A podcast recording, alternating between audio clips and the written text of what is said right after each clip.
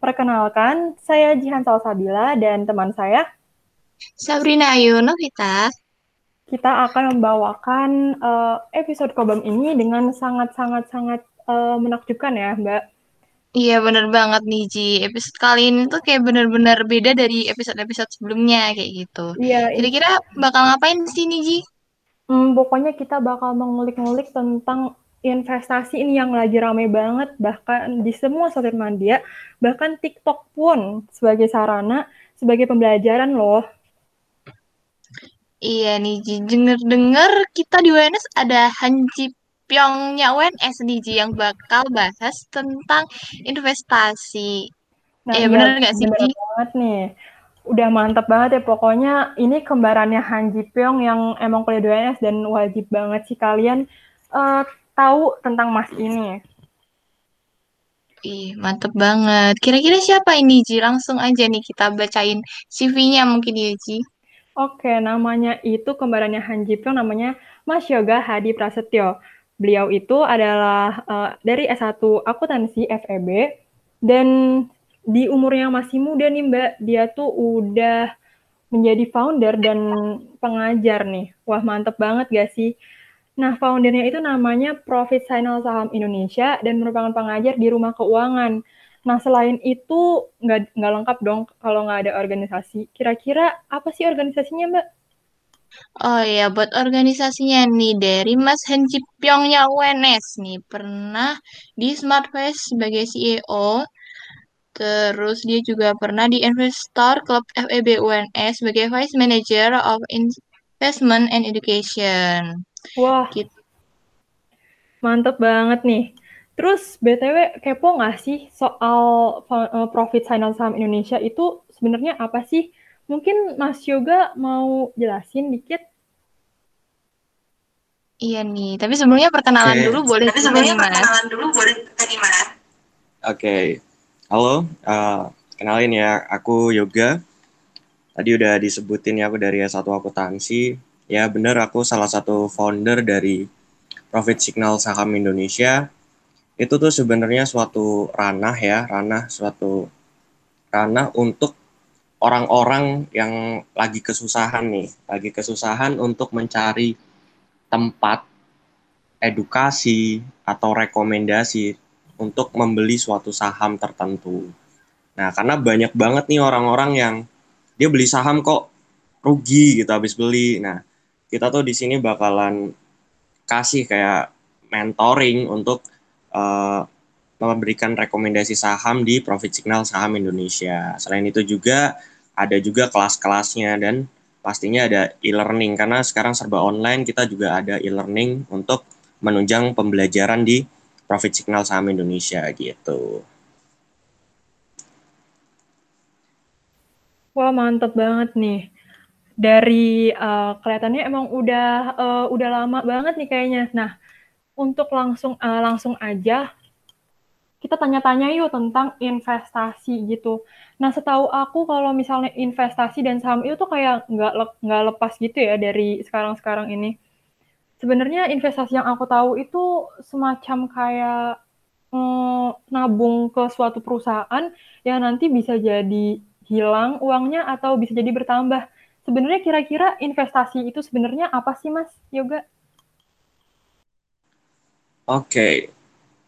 Kalau di mata masyarakat itu sebenarnya tuh investasi identik dengan orang yang punya uang banyak atau orang yang ketidaknyamanan atau khawatir gitu kalau menanamkan investasinya karena kita tahu kalau berinvestasi pasti ada risikonya. Nah, makanya orang lebih suka menabung di bank kan daripada berinvestasi. Kalau kita tahu nih sebenarnya kita pun tuh menjadi mahasiswa ini sedang berinvestasi karena eh, apa namanya konsep dari investasi itu sebenarnya ya harapan untuk mendapatkan keuntungan di masa depan. Jadi di masa depan kita berharap kita bisa mendapatkan keuntungan. Nah, kalau kita jadi mahasiswa nih sekarang ya kita tuh belajar, belajar itu tuh investasi kita sampai akhirnya kita nanti dapat gelar dan juga pekerjaan yang baik. Nah, itu konsep sederhana dari investasi. Nah, produk investasi aja tuh sebenarnya banyak.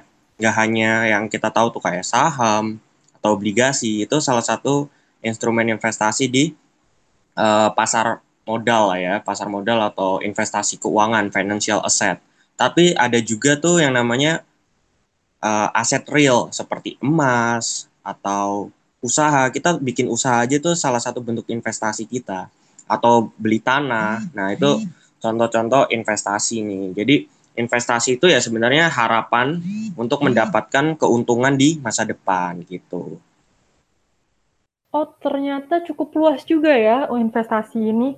Terus nih, kan di Instagram Instagram atau di medsos lain nih, pada ngomongnya tentang ya, investasi gitu, tapi lebih ke saham-saham gitu ya? Terus Ya, benar. Mungkin yang paling in saham ya. Terus Mas, uh, boleh dong cerita-cerita kenapa sih bisa tertarik sama saham? Awal mulanya gimana gitu loh, bisa kecantol sama saham gitu? Iya Mas, apa mungkin karena basic dari program studinya atau emang ketertarikan dari teman-temannya Mas atau gimana nih? Oke, okay, uh, eh, intermezzo dikit kali ya. Berarti awal mula aku tertarik dengan saham itu karena desakan, desakan akan kebutuhan finansial. Nah ini sebenarnya sedikit menyeleweng nih, jadi sedikit gambling gitu dulu. Ibaratnya aku lagi kesusahan finansial dan aku butuh uang yang cepat gitu di di saat itu. Nah, sedangkan sebenarnya konsep investasi ini kan harus kita sudah menyisihkan uang yang nantinya uang itu bukan sebagai uang darurat kita, ibaratnya uang yang benar-benar bisa kita keep tanpa kita gunakan, yang nantinya akan kita tuai di masa depan. Nah, sedangkan aku tuh menggunakan uang yang ibaratnya uang dapur ya, uang untuk kegiatan operasionalku, aku masukkan ke aset investasi untuk trading. Jadi aku tradingin, untung aku ambil untuk memenuhi kebutuhan hidup lah ibaratnya saat itu. Jadi karena kesusahan finansial aja dan aku mencoba mencari aset yang benar-benar uh, bisa memberikan hasil dengan cepat ya salah satunya saham itu gitu ceritanya. Hmm, berarti udah berapa lama Mas kira-kira bergelut di bidang kayak gitu?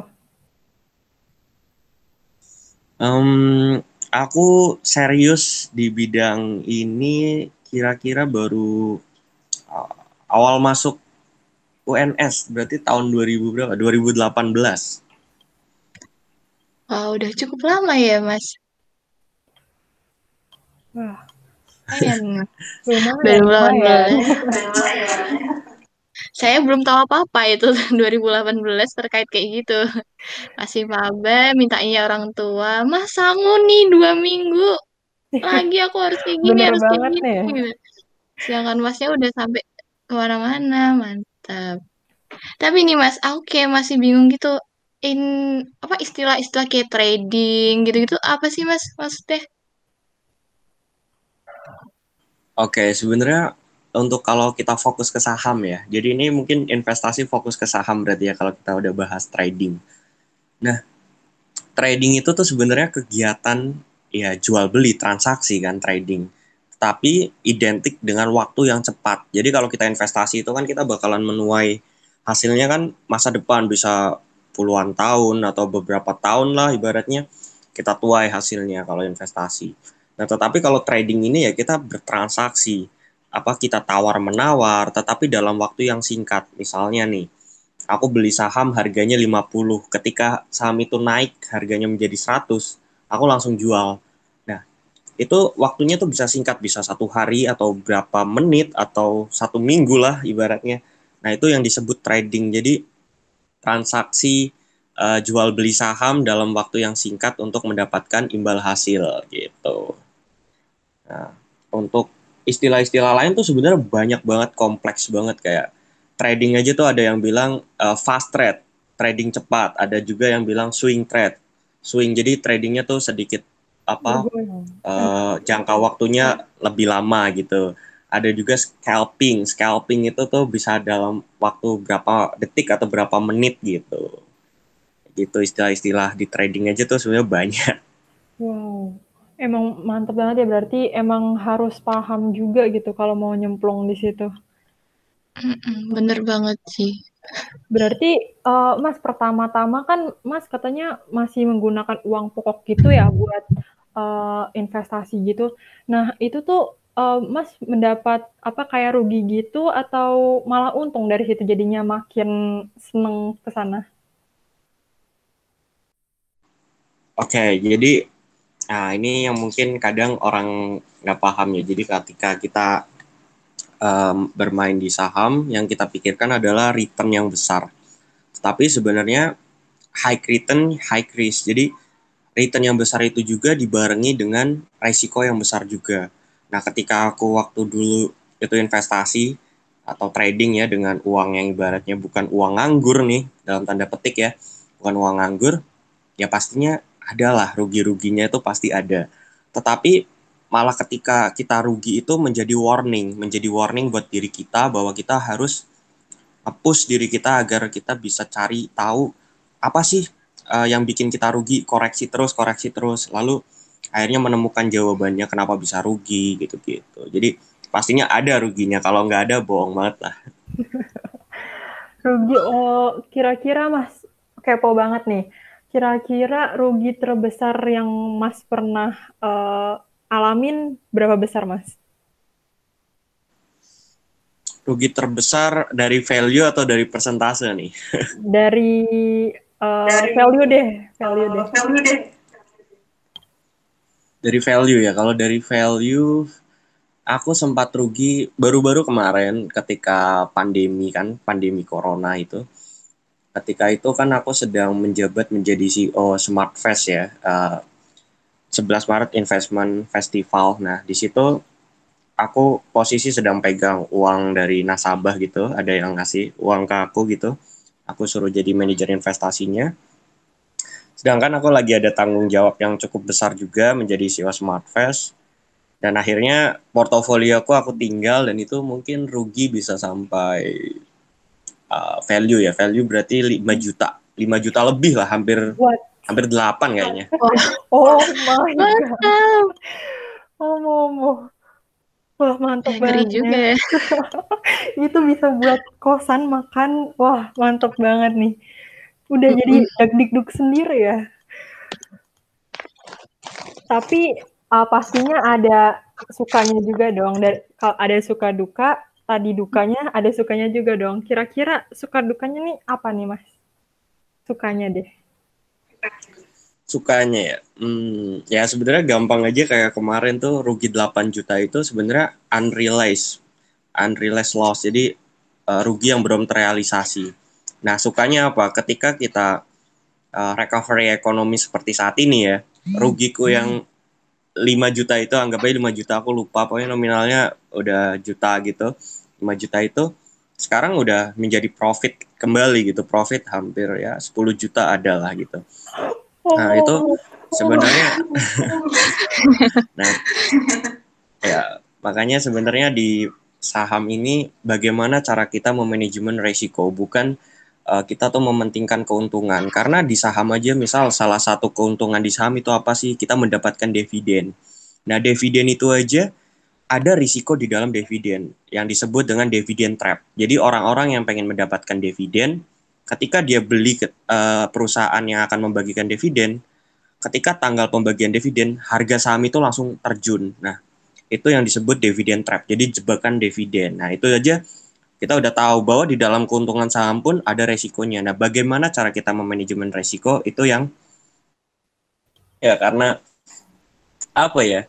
Yang mendapatkan keuntungan itu lah mendapatkan keuntungan bisa uh, apa namanya biayain hidup sendiri uang jajan gitu-gitu ya udah enak aja kayak gitu. Terus bisa bantu teman bantu teman bantu orang-orang banyak. Kayak misal aku di profit signal saham kan banyak nasabahku yang dia join ke grup-grup premium gitu grup-grup premium untuk merekomendasikan saham. Banyak bapak-bapak pokoknya orang-orang tua lah om-om gitu yang dia modalnya udah 100 juta join ke salah satu grup dia rugi sampai puluhan juta. Terus setelah join di grupku dia jadi profitnya berlebih-lebih dari kerugiannya. Dan berterima kasih didoain gitu-gitu sama apa member-membernya. Nah itu aja udah bikin aku seneng gitu bisa bantu orang banyak. Wah mantep banget nih bisa jadi panutan kan teman-teman. Nah uh, waktu duka itu itu kan pasti adalah tamparan banget ya mas buat mas sendiri itu kenapa Mas uh, masih mau bertahan gitu saat-saat itu? Kan uh, orang normalnya tuh kayak ih aku udah rugi berapa misalnya udah rugi berjuta-juta. Tapi uh, Mas masih mau lanjutin gitu. Itu apa Mas? Uh, kayak motivasinya gitu. Oke, okay.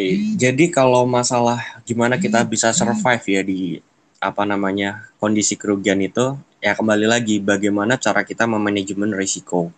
Nah, setiap orang tuh punya profil risiko yang berbeda-beda. Mungkin aku profil risikonya bukan orang yang konservatif, yang ibaratnya takut akan kerugian. Tapi aku orang yang agresif, jadi aku bisa ngambil risiko itu, take risk. Nah, ketika kita sudah paham akan resikonya, ya kita harus siap dengan resiko yang akan datang. Nah, cara memanajemennya, salah satunya nih motivasiku ya, karena kita harus punya dibekali analisis yang kuat, kayak contoh, kemarin pandemi corona, otomatis apa? Perekonomian itu mandek, PSBB, banyak konsumsi yang uh, turun. Nah, ketika konsumsi masyarakat itu turun, otomatis apa? investor-investor itu males buat menginvestasikan uangnya di perusahaan. Buat apa kita investasi di perusahaan yang nggak menghasilkan pendapatan karena produknya nggak dibeli. Nah, sesimpel itu. Nah, ketika itu ya banyak gerakan yang namanya cash is the king. Jadi kita menarik uang kita menjadi cash dari aset investasi. Nah, eh, kapan kita bisa memanajemen resikonya? Ketika kita bisa ekspektasi ke depan itu bagaimana? Apakah masih memiliki prospek yang baik atau enggak? Nah, waktu itu aku memprediksi bahwa perekonomian Indonesia ini bakalan kembali bertumbuh karena Indonesia ini PDB-nya itu salah satu yang terkuat di dunia. Nah, ditunjang juga Indonesia ini masih negara berkembang. Investor itu sangat suka ke negara yang masih berkembang gitu. Nah, habis itu dengan ekspektasi tersebut aku percaya Indonesia bakalan recovery cepat. Nah, karena memang kita tidak terlalu fokus dengan apa namanya penanganan COVID, tetapi kita fokus ke recovery ekonomi. Nah, dengan alasan itu aja aku udah cukup untuk bertahan di pasar modal Indonesia. Dan sekarang udah terbukti pasar modal kita recovery, aku kembali lagi mendapatkan profit yang banyak banget. Malah di sini udah direjekiku pas lagi pandemi gitu. Dan banyak orang-orang yang mengalami kerugian yang sama ketika pandemi akhirnya bisa aku tolong juga. Nah itu yang jadi alasanku sih buat menjadi motivasi lah ibaratnya wah mantap ya mas kayak benar-benar tipe orang yang kuat bertahan gitu walaupun diterjang badai gitu kan asik nah uh, aku dengar dari, dari tadi masnya uh, cerita nih aku dengar kayak masnya tuh bantu dari beberapa orang, terus dari apa klien-kliennya mas. Nah itu tuh bantu di profit sinyal saham Indonesia. Eh, gimana sih Ji bacanya ini Ji? Profit? Signal, signal, signal saham Indonesia. Ah iya, dan masnya ini sebagai founder. Jadi latar belakangnya apa sih mas kalau misalnya kita kulik nih ke uh, profit channel saham Indonesia mas gitu. latar belakang terbentuk atau latar belakang apa nih? Iya, latar belakang terbentuk deh. Iya, latar belakang terbentuk deh. ya, sebenarnya latar belakang profit signal saham ini ya awal mulanya karena ini kan uh, aku sama beberapa temanku nih ada empat orang gitu foundernya. Kita sering nongkrong, kita sering uh, buat analisis bareng, kita sering ibaratnya uh, belajar bareng lah, belajar bareng, kita bertumbuh bareng. Nah, ketika kita udah sampai level sekarang ini uh, lingkungan sekitar kita itu kayak sangat krisis ibaratnya krisis terhadap uh, dunia investasi yang sebenarnya di luar sana di negara-negara yang udah maju itu menjadi uh, apa namanya fondasi bagi negara-negara maju tersebut. Jadi ketika pasar modalnya dia sudah stabil otomatis negaranya pun stabil. Nah, Indonesia ini itu sangat-sangat belum stabil, jadi sangat berfluktuasi. Nah, itu sebenarnya menjadi kesempatan kita untuk masuk, untuk bisa menguasai pasar modal kita. Jangan pasar modal kita itu dikuasai oleh asing terus. Nah, dari situ mulai kita apa ya ibaratnya hmm, mendoktrin orang-orang di sekitar kita dulu lah, di sekitar kita dulu, lingkungan kita agar ikut terjun di pasar modal. Terus kita juga bimbing, kita juga ajarin. Nah, ketika mulai banyak nih, mulai banyak yang tertarik, akhirnya kita membuat suatu wadah yang namanya Profit Signal Saham Indonesia itu gitu. Hmm. Jadi awalnya kayak apa sih sebagai pencerdasan ke orang-orang dulu, terus habis itu nanti baru ke arah uh, nyobain ke dunia investasinya kayak gitu ya, Mas? Atau gimana nih? Ya, kurang lebih gitulah.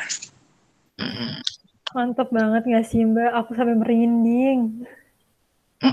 Kayaknya Jian jadi pengen join ya, Ji? Ih, pengen banget. Aku kepo banget nih.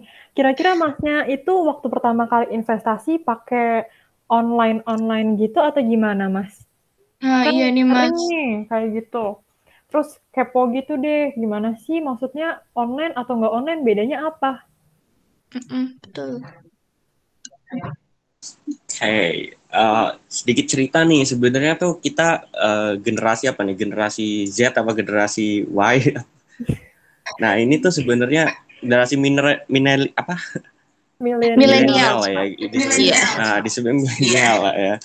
Nah sebenarnya tuh kita sangat beruntung. Kenapa? Karena dulu kalau kita mau memulai investasi itu, kita membutuhkan modal minimal untuk membuka akun investasinya aja tuh 25 juta Nah, terus untuk membeli satu lembar sahamnya aja itu minimal 500 lembar. Jadi satu lotnya itu 500 lembar. Nah, ditambah lagi dulu kalau kita mau beli saham itu harus datang ke bursa efek di sana kantornya dan kita harus berdesak-desakan dengan orang yang kekar. Pokoknya cepet-cepetan beli sahamnya. Jadi wah daripada apa yang di kereta-kereta ke KRL itu nggak ada apa-apanya lah daripada pas waktu zaman beli saham dengan apa pas offline dan itu bentuknya aja kertas gitu lembaran kertas yang banyak banget numpuk kayak sampai atap gitu nah sedangkan sekarang kita sangat dipermudah. Karena apa? Kita membuka akun investasi saja. Ibaratnya uh, di sini istilahnya adalah akun sekuritas. Seperti akun bank lah. Kalau kita nabung kan kita buka kartu tabungan bank ya. Nah kalau kita investasi itu kita buka akun sekuritas. Nah kita dengan akun sekuritas itu yang menyediakan platform investasi secara online. Jadi semuanya udah mobile banget lah. Nah itu uh, untuk bukanya aja minimal aja tuh cuma 100 ribu dan kadang ada yang tanpa deposit jadi nol buat bukanya. Nah bisa dibayangkan kan kayak gimana beruntungnya zaman kita. Nah jadi serba online semuanya. Kita transaksi secara online, udah nggak berdesak-desakan lagi di sana. Walaupun memang masih ada jadi uh, di pasar modal itu ada pasar sekunder sama pasar nego. Nah, di pasar nego nah ini kita bisa beli saham itu secara offline. Jadi datang ke kantor untuk negosiasi dengan pemilik sahamnya. Tetapi kalau di pasar sekunder seperti yang aku lakuin sekarang itu kita bisa lewat platform dari aplikasi sekuritas yang kita buka gitu. Wah, keren banget nih. Aku Aku tertarik banget sih gara-gara ini. Terus kira-kira berarti tadi tuh udah dikasih tahu kan pengaruhnya investasi kita uh, kita ke ekonomi negara. Kira-kira sebenarnya negara itu mendukung nggak sih mas kayak gini tuh? Iya mas, apalagi kayak kalau misalnya kita lihat yang online itu kan kayak udah di buku-buku pelajaran itu kan udah jelas ya. Uh, yang kayak mas ceritain tadi tuh uh, harus datang ke bursa efek gini-gini gitu kan kalau di buku-buku pelajaran udah jelas banget kayak gitu apalagi waktu aku SMA juga masih kayak gitu tuh dan apa ya belum ada yang kayak online-online gitu mas. Nah sebenarnya kalau di Indonesia sendiri tuh terkait yang online kayak gitu tuh gimana gitu? Oke, okay, uh, jadi di sini yang pertama nih, kalau kita belajar uh, ibaratnya saham ya investasi ini kalau uh, baik berdasarkan buku lah ya berdasarkan buku tuh intinya kita transaksi tuh di bursa efek gitu-gitu itu sebenarnya dari tahun 2014 kalau nggak salah atau tahun 2016 gitu aku lupa Bursa Efek Indonesia itu menggerakkan kampanye yuk nabung saham. Nah, tujuannya itu apa? Nah, di sini aku sedikit ngeritik lah ya. Tujuannya adalah untuk menambah jumlah investor. Tetapi penambahan jumlah investor ini memang berhasil sampai saat ini tuh kita uh, sudah satu persen jumlah investor kita di pasar modal Indonesia. Tetapi jumlah investor ini tidak dibarengi dengan uh, apa namanya literasi. Jadi kita akun sekuritasnya itu terus bertambah karena kita tahu kemudahan untuk membuka akun sekuritas yang nominalnya receh lah cuma 100 ribu. Jadi banyak yang buka, tetapi setelah buka mau di gimana ini cara kita bertransaksi gimana? Cuma dikasih tahu ilmunya tuh uh, ibaratnya permukaannya aja, nggak sampai dalam-dalamnya kayak risikonya lah apanya. Nah itu yang membuat uh, pasar modal kita ya di situ-situ aja, literasinya masih kurang. Nah setauku sekarang mulai uh, Bursa Efek Indonesia ini mulai fokus ke literasi. Sedangkan untuk penambahan investor aja tuh kita baru satu persen di dari jumlah masyarakat Indonesia yang yang 200 juta itu kita baru satu persen aja nih yang uh, melek investasi. Nah bisa dibayangkan. Nah dari situ ya otomatis yang kita harus pentingkan adalah literasi. Nah pemerintah juga dengan bursa efeknya sudah menunjung apa uh, menunjang hal tersebut. Jadi ada yang namanya Teach Me, lembaga sertifikasi untuk profesi di pasar modal. Lalu juga ada kayak banyak komunitas-komunitas yang nantinya kayak misal di uh, universitas kita nih ada tuh KSPM kelompok studi pasar modal di Fakultas Hukum lalu di Fakultas Ekonomi seperti organisasiku tuh Investor Club itu juga yang bakal membantu Bursa Efek untuk uh, agen agar masyarakat di sekitarnya menjadi melek investasi gitu. Hmm, kayak gitu. Tapi kalau misalnya dilihat dari kegiatannya Mas, uh, itu udah ngasih something belum sih ke teman-teman se-UNS gitu? Oke, jadi kalau untuk teman-teman di UNS ya, aku mungkin circle-nya yang aku tahu ya, karena nasabahku kan banyak banget ya. Jadi untuk di UNS ya circle terdekatku pastinya dia uh, sudah ibaratnya bisa mandiri yang dulu sangat bergantung ke aku. Ini gimana nih aku harus beli apa? Terus ini cara baca grafik tuh gimana gitu-gitu. Ah sekarang akhirnya bisa mandiri bisa membuat keputusan sendiri.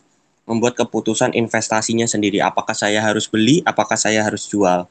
Nah di FEB khususnya di jurusanku udah mulai pada tertarik untuk join, untuk mulai belajar karena kita tahu pentingnya investasi ini. Karena di perkuliahan jujur aja aku di perkuliahan itu ya nggak dapat apa-apa itu masih sangat-sangat tertinggal lah daripada universitas lain. Karena di universitas lain aja sudah ada yang membuka jurusan pasar modal. Jadi memang benar-benar khusus jurusan pasar modal. Sedangkan di akuntansi yang aturan salah satu ranahnya di pasar modal dia hanya memberikan pengajaran yang ya kurang berarti lah ibaratnya buat uh, praktek real. Karena yang kita pentingin kan praktek bukan teori terus teori-teori kan teori terus berupdate terus diupdate terus diupdate. Nah kalau kita tidak bisa mengikuti uh, perkembangannya ya sama aja kita tertinggal. Nah lingkunganku itu sadar akan hal tersebut. Makanya mereka pengen ah ini kebanyakan teori. Ayo praktek gimana sih sebenarnya? Pasar itu sebenarnya kayak gimana? Akhirnya mereka membuktikan akhirnya banyak yang mandiri sudah bisa transaksi sendiri sudah bisa melakukan analisa. Dan dari teman-temanku itu mengajak teman-temannya yang lain agar melek investasi gitu. Mantap nih masnya sebagai inisiator kayaknya ya buat apa buat teman-temannya. Tapi uh, lewat apa sih mas kalau misalnya mau naruh oh mau investasi kayak gitu tuh platformnya apa kalau boleh tahu ya? Oke, okay.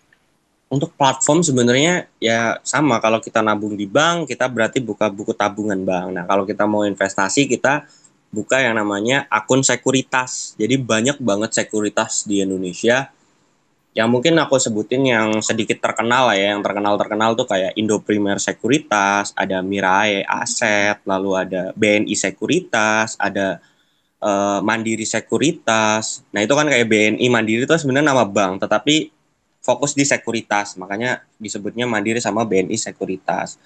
Nah itu aja kalau kalian mau buka bisa online gitu loh. Sekarang nggak harus datang ke kantor gitu-gitu, tinggal download aplikasinya. Misal Indo Primer Sekuritas itu nama aplikasinya iPod. Nah, ketika kalian sudah download, kalian tinggal registrasi di situ, jadi akunnya kalian sudah bisa transaksi. semudah itu gitu loh. Kayak kita buka apa akun akun-akun online shop lah kayak gitu. Wah, easy banget ya ternyata, Mas. Kalau Hmm. misalnya apa? Kalau nabung kan itu harus ngasih tabungan minimal berapa kayak gitu ya. Kalau di sini ada nggak sih Mas minimal berapa itu untuk penanaman modalnya gitu? Oke. Jadi di sini tuh namanya deposit ya. Kalau kita deposit itu Hmm. untuk deposit awal, untuk deposit awal itu berbeda-beda setiap sekuritas. Misal aku kasih contoh. Mira Aset Sekuritas itu minimal deposit awal 5 sampai 10 juta. Lalu Mandiri itu 3 sampai 5 juta.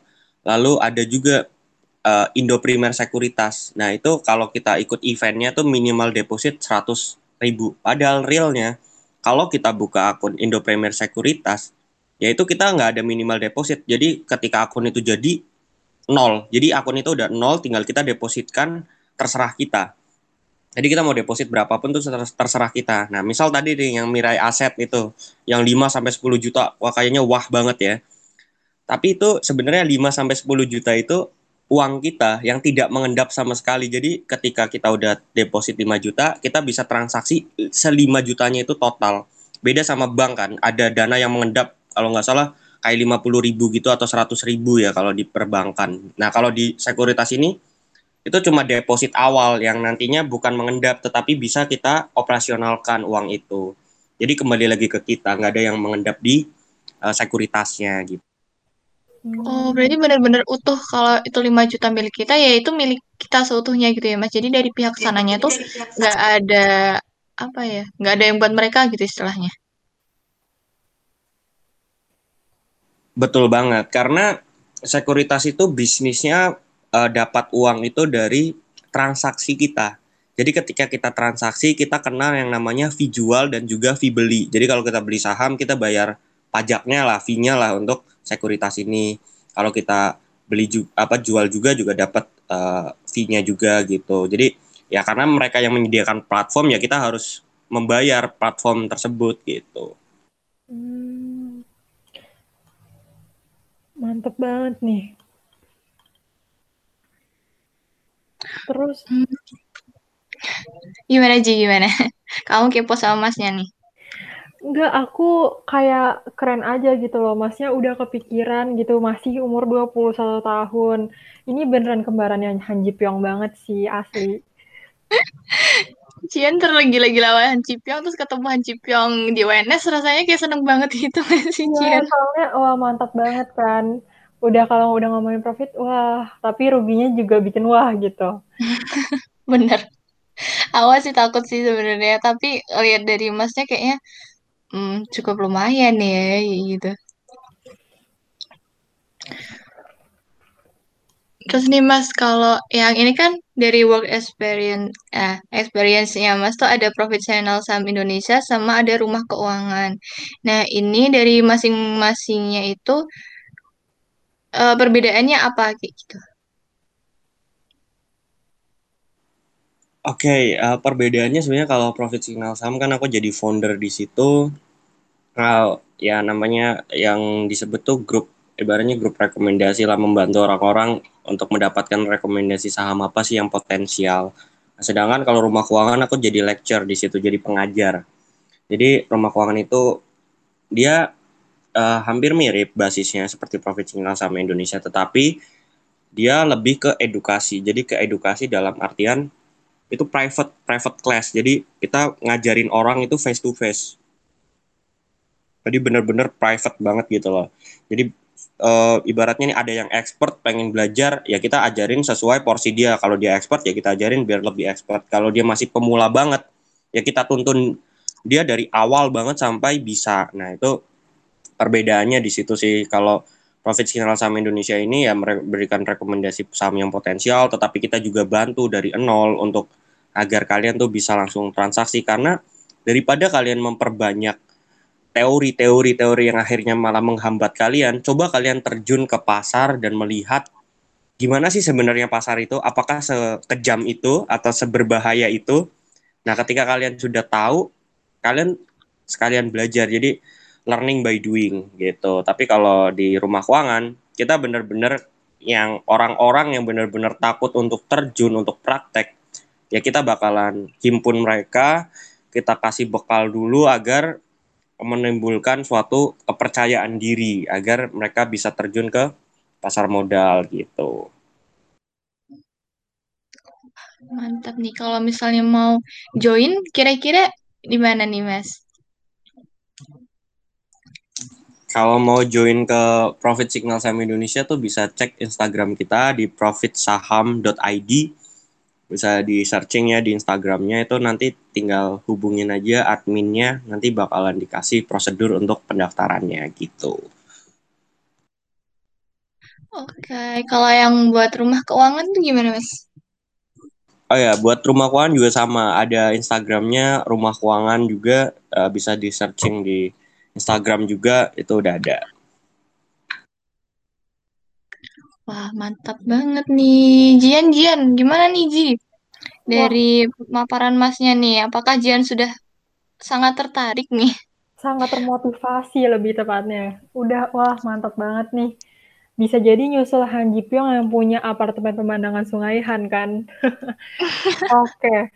Kira-kira nih Mas, uh, menurut Mas ada saran pesan gitu nggak buat teman-teman UNS biar tertarik atau ngikutin jejak Mas gitu?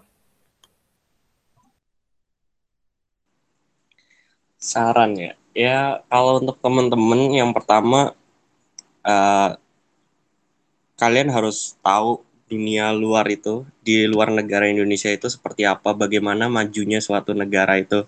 Ibaratnya kalau aku ngutip uh, pesan dari Bu Sri Mulyani ya, di luar sana itu perbedaan dengan masyarakat kita adalah uang itu bekerja untuk mereka, sedangkan kita itu bekerja untuk mendapatkan uang.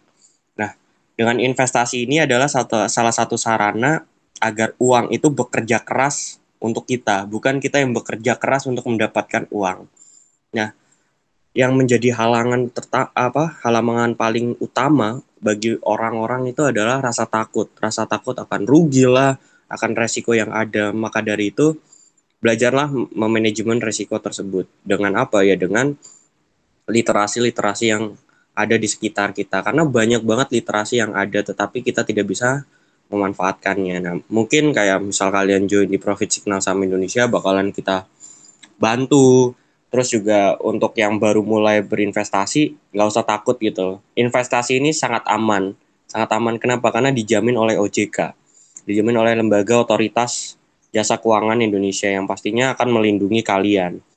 Jadi jangan kalian investasi di uh, di lembaga-lembaga yang tidak ada penjaminnya ya kayak OJK kayak misal forex lah binomo itu kan nggak ada lembaga penjaminnya ya pastinya kalian bisa uh, rugi atau apa pun itu. Sedangkan kalau kalian investasi di saham itu udah pasti dijamin oleh OJK. Jadi pasti aman gitu loh, nggak bakalan investasi bodong lah ibaratnya gitu. Ya intinya eh, segeralah memulai biar kalian tahu seperti apa itu market carilah mentor untuk ngajari kalian kalau kalian takut belajar sendiri intinya itu sih wah mbak nggak seras nggak terasa ya kita udah 40 menit loh ngobrol-ngobrol dan cari pengetahuan lewat Mas Hanji Pyong satu ini Mas Yoga sih ya, bukan Mas, Mas Yoga. Dong. Kembaran kan. Iya sih. Sayangnya kita harus berpisah nih, tapi semoga pengetahuan yang kita dapat nggak misah ya. Iya nih, apalagi silaturahmi antara kita ya, Mas.